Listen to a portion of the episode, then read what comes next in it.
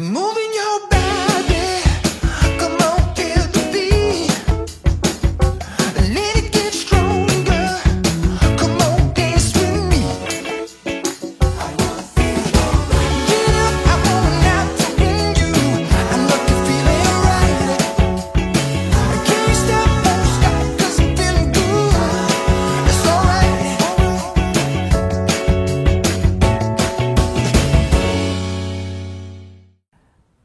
Katarzyna Urbańska. Witam w kolejnym odcinku programu Okiem Byłej Frankowiczki. A dzisiaj, zgodnie z zapowiedzią z poprzedniego odcinka, moim gościem będzie Teresa Nowicka z KBIW, Tax Nowicka i wspólnicy. i wspólnicy.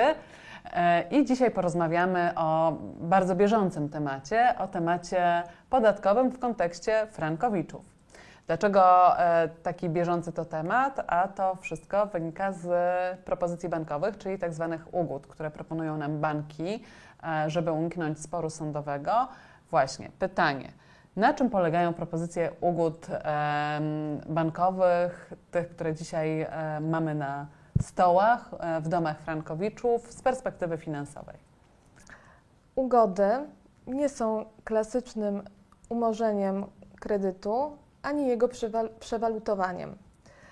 Generalnie y, każda ugoda powinna być analizowana z perspektywy konkretnego kredytobiorcy.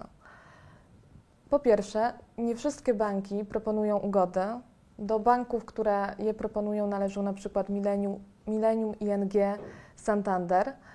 Po drugie, e, ważne jest, e, czego dotyczy taka ugoda, w tym sensie, jaki mamy efekt po zawarciu takiej ugody.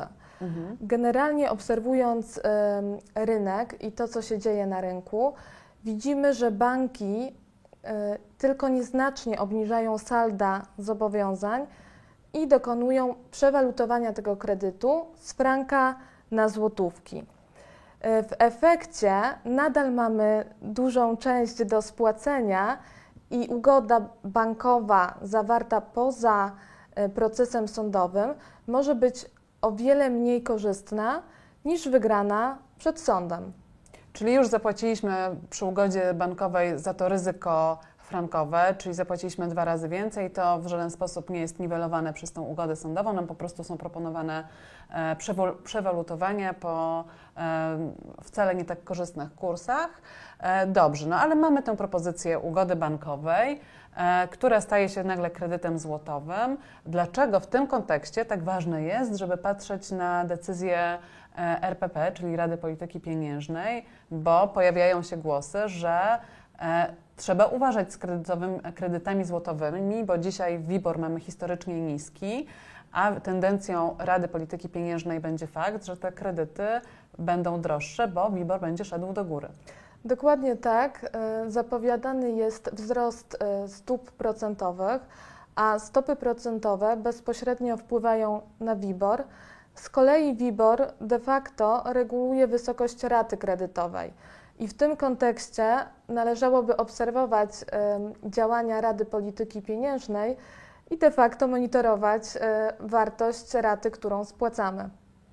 No właśnie, czy od zawartej ugody bankowej em, musimy zapłacić podatek? Jeżeli tak, to jaki? Jakie opłaty skarbowe w ogóle w tym kontekście mogą nas dotknąć? Sprawa nie jest taka prosta i jednoznaczna. Przy podatkach nigdy nie jest prosta. Niestety tak. Natomiast em, wracam znowu do tej myśli, która się pojawiła na początku naszej rozmowy, czyli ważne jest to, co ta ugoda reguluje i jaki mamy końcowy efekt. Jeżeli e, w ugodzie mamy stwierdzone umorzenie kredytu, to de facto może ona w pewnych warunkach skorzystać e, z braku opodatkowania. Natomiast tych warunków jest e, kilka. No właśnie, jakie to są warunki i na co trzeba zwracać uwagę? Robi się niebezpiecznie. W pierwszej kolejności należałoby zwrócić uwagę na to, na jaki cel był zaciągany kredyt.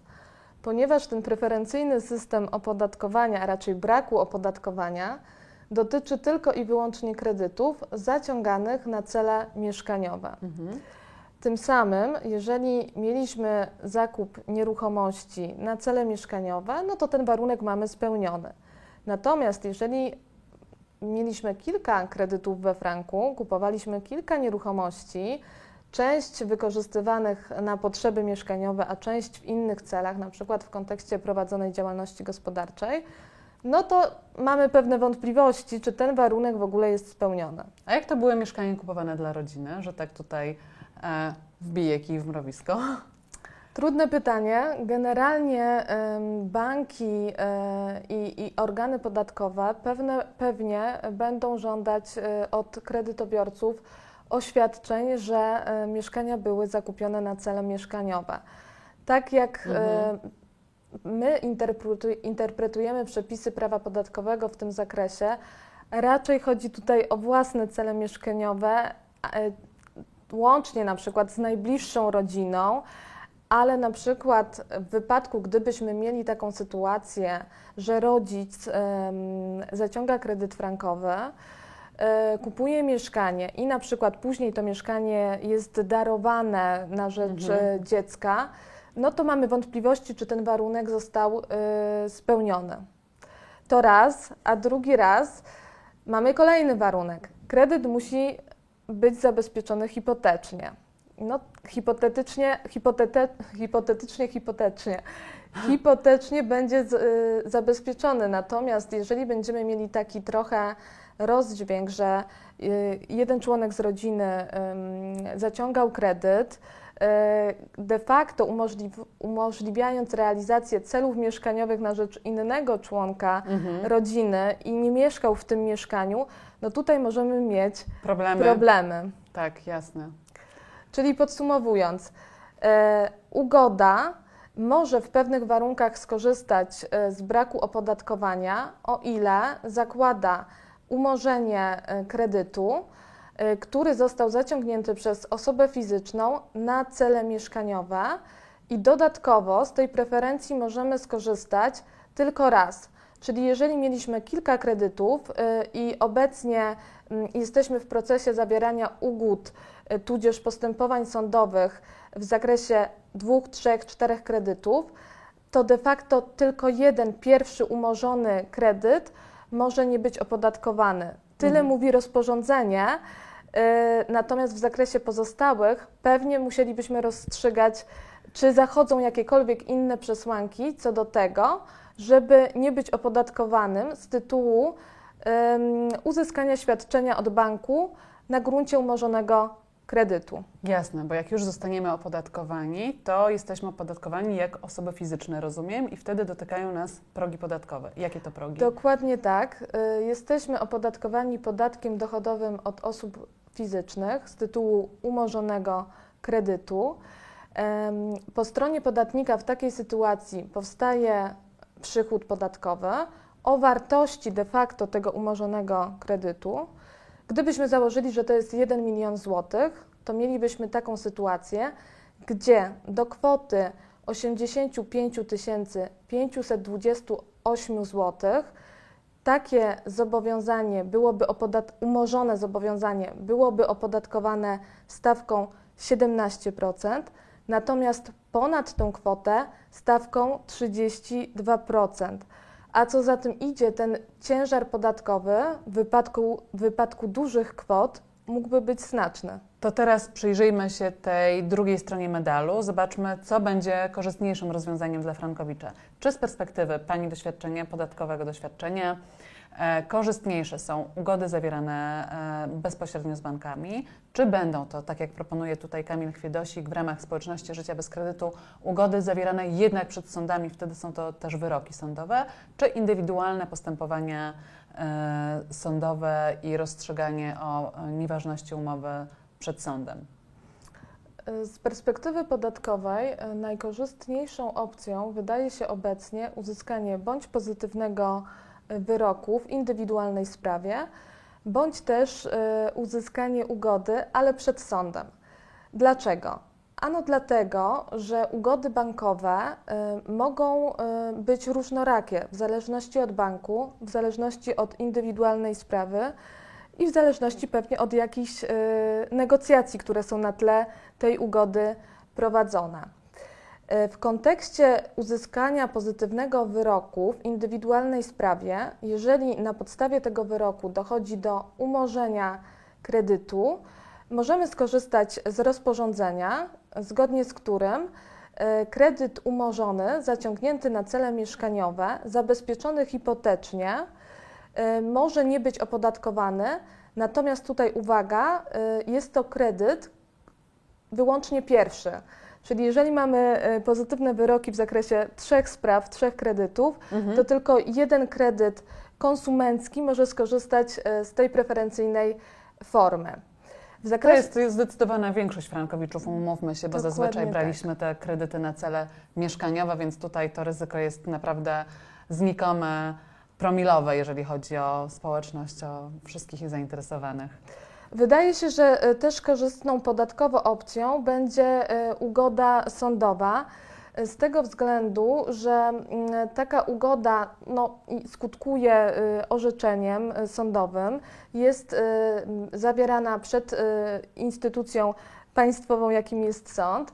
I dodatkowo, jeżeli ta ugoda będzie zakładać umorzenie kredytu i zostaną spełnione te wszystkie warunki, o których wspominaliśmy, to też e, powinna ona nie być opodatkowana. Natomiast w wypadku ugód bankowych mm, każdą sprawę powinniśmy analizować indywidualnie.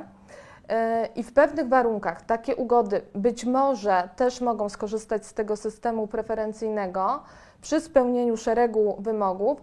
Natomiast jeżeli któryś z tych wymogów nie zostanie za, zachowany, albo ta ugoda będzie nie, nie będzie zakładać umorzenia kredytu, tylko jakieś zrzeczenie się mm, roszczeń bankowych w kontekście ym, Mhm. e, antyabuzywnych postanowień umownych, no tutaj może być ta sytuacja inna i de facto możemy gdzieś wpaść w opodatkowanie. To bardzo ważne, dlatego że teraz e, przy tych propozycjach e, ugód bankowych, które się tak pojawiają e, dosyć licznie, trzeba być jednak bardzo czujnym i bardzo zwracać uwagę na to, żeby właśnie z jednego ryzyka nie wpaść w kolejne, tym razem podatkowe, na co możemy nie mieć wpływu, jeżeli wcześniej umowę nie skonsultujemy z odpowiednim doradcą podatkowym, osobą, która e, zna temat, więc to chyba też taki apel do naszych e, widzów, jeżeli z jakiegoś powodu nie pozywają banku, muszą się zwrócić do e, kogoś, kto na podatkach się zna i wie, czy zapisy umowy nie będą e, rodzić skutków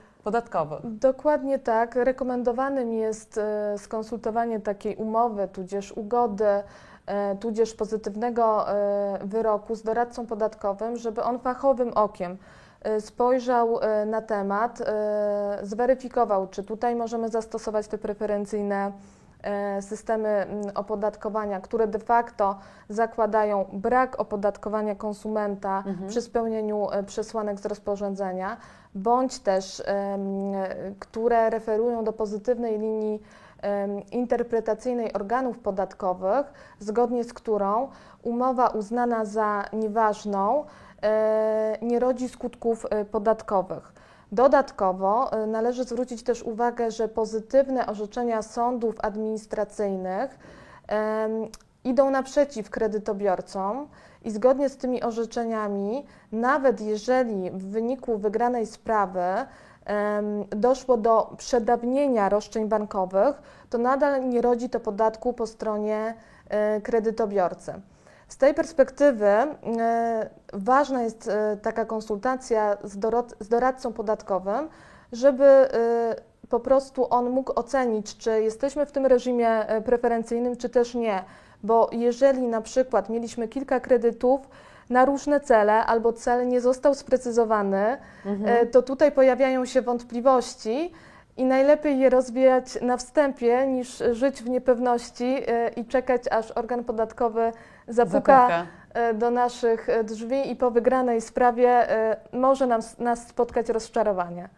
No tak, ale mam tutaj takie przekonanie, że jednak dziś i sądy, i rządzący stanęli jednak na stanowisku, że ta grupa społeczna pokrzywdzona, która, gdzie to jest, są setki tysięcy ludzi, nie może być po raz kolejny e, w tej sytuacji straty i jakiegoś dociążenia finansowego i to rozporządzenie chyba też jest takim wyjściem naprzeciw podatkowym, żeby Dokładnie tak. uniknąć tego e, nadpłacenia jeszcze tego nieuczciwego zobowiązania, które przez lata się za nami ciągnęło. Dobrze to rozumiem. Tak, zgadza się. Rozporządzenie e, nakierowane jest na e, ważny interes podatnika, również na interes publiczny, z uwagi na tą taką e, konfrontację pomiędzy e, konsumentem a dużą instytucją bankową. E, No, trudno tutaj e, nie zgodzić się z rządzącymi, że ten system podatkowy powinien jednak Chronić. preferencyjnie traktować e, kredytobiorców i ich chronić, czyli po tym, jak przeżyliśmy jakąś batalię sądową, wreszcie mamy zwrot świadczeń, które cały czas nam rosły, no to y, ich opodatkowanie z powrotem byłoby niezwykle krzywdzące. Dlatego cieszymy się, że to y, podejście tutaj y, rządzących wyrażane w formie rozporządzeń, również w formie pozytywnych wyroków, y, interpretacji, które się pojawiają na gruncie spraw frankowych, jest widoczne. E, To teraz e, podsumowując, mamy trzy możliwości. Możliwość zawarcia ugody bezpośrednio z bankiem, ugody bankowej, ugody sądowej, e, zawieranej, tak jak tutaj są propozycje społeczności życia bez kredytu, przed sądem w formie wyroku, e, albo bezpośrednio wyroku e, sądowego prowadzenia indywidualnego sporu z bankiem. Cały czas stoimy na stanowisku, że korzystniejsza dla nas będzie sytuacja jednak rozstrzygnięć sądowych. Dokładnie tak. E, Opcja sporu sądowego, e, który zakończy się bądź to ugodą, bądź e, wyrokiem w indywidualnej sprawie, z perspektywy podatkowej e, może być korzystniejsza niż ugoda zawierana e, z bankiem poza e, postępowaniem sądowym. W pierwszej kolejności należy zwrócić uwagę, że mm, uzyskanie pozytywnego orzeczenia, który, które stwierdzi nieważność umowy, powinno być podatkowo neutralne. Również wyroki e, sądów e, administracyjnych, w tym Naczelnego Sądu Administracyjnego, e, wskazują na to, że w wypadku stwierdzenia nieważności umowy, nawet wtedy, gdy roszczenia banku są przedawnione, nie powinien po stronie kredytobiorcy powstać podatek. Analogicznie powinna być też traktowana ugoda sądowa, która stwierdza umorzenie zobowiązania e, kredytowego. Natomiast w wypadku ugód bankowych, no w zależności od kształtu ugody, od tego jak e, ona będzie zawierana i co będzie regulować, sytuacja może być inna. W pewnych warunkach możemy e, stwierdzić, że taka ugoda byłaby nieopodatkowana, natomiast w innych no ten, e, ten podatek może wystąpić. A co za tym idzie, przed zawarciem takiej ugody e, kredytobiorca powinien skonsultować się e, Z doradcą, profesjonalistą, któremu odpowiednio wskaże drogę, na co uważać, żeby nie Dokładnie dać tak. kolejny dokładnie raz, tak. mówiąc brzydko, złowić. Bo trochę mam wrażenie, że tutaj są drobnym druczkiem wprowadzane zapisy, które mogą po raz kolejny narazić nas na niebezpieczeństwo, więc warto tym razem być ostrożnym, prawda? Zgadza się. e, W tym, w tym wypadku rekomendowanym jest najpierw zweryfikowanie pod kątem prawnym i podatkowym takiej umowy e, ugodowej, a następnie jej podpisanie, bo później po podpisaniu taka weryfikacja może niewiele nam wnieść e, i podatek może się pojawić, co może spotkać się z bardzo niemiłym zaskoczeniem. Na koniec wydawałoby się procesu, który ma przynieść już tylko jakieś pozytywne rezultaty. Pani Tereso, bardzo dziękuję. Myślę, że rozwialiśmy wiele podatkowych wątpliwości, aczkolwiek to jest zawsze trudny i grząski grunt i podziwiam wszystkich, e, którzy w tym się odnajdują. Także bardzo dziękuję, za Dziękuję pomoc. bardzo, dziękuję. A Państwu em, polecam właśnie analizę jeszcze swojej sprawy indywidualnie. Jeżeli ktoś ma wątpliwości, to cały czas będziemy stać na stanowisku, że jednak warto zaufać e, wymiarowi sprawiedliwości, sądom, które e, na pewno rozstrzygną e, naszą sprawę tak, że nie będziemy mieć co do niej wątpliwości. Trzeba też pamiętać, że sprzyjają nam rozporządzenia i decyzje rządzących, by Frankowicze po raz kolejny nie stali się grupą e, pokrzywdzoną, e, wpędzoną w jakieś kolejne trudne zobowiązania. I tutaj e, są decyzje takie, że możemy spokojnie z nich korzystać i czuć się bezpieczniej również podatkowo. Bardzo dziękuję. Dziękuję.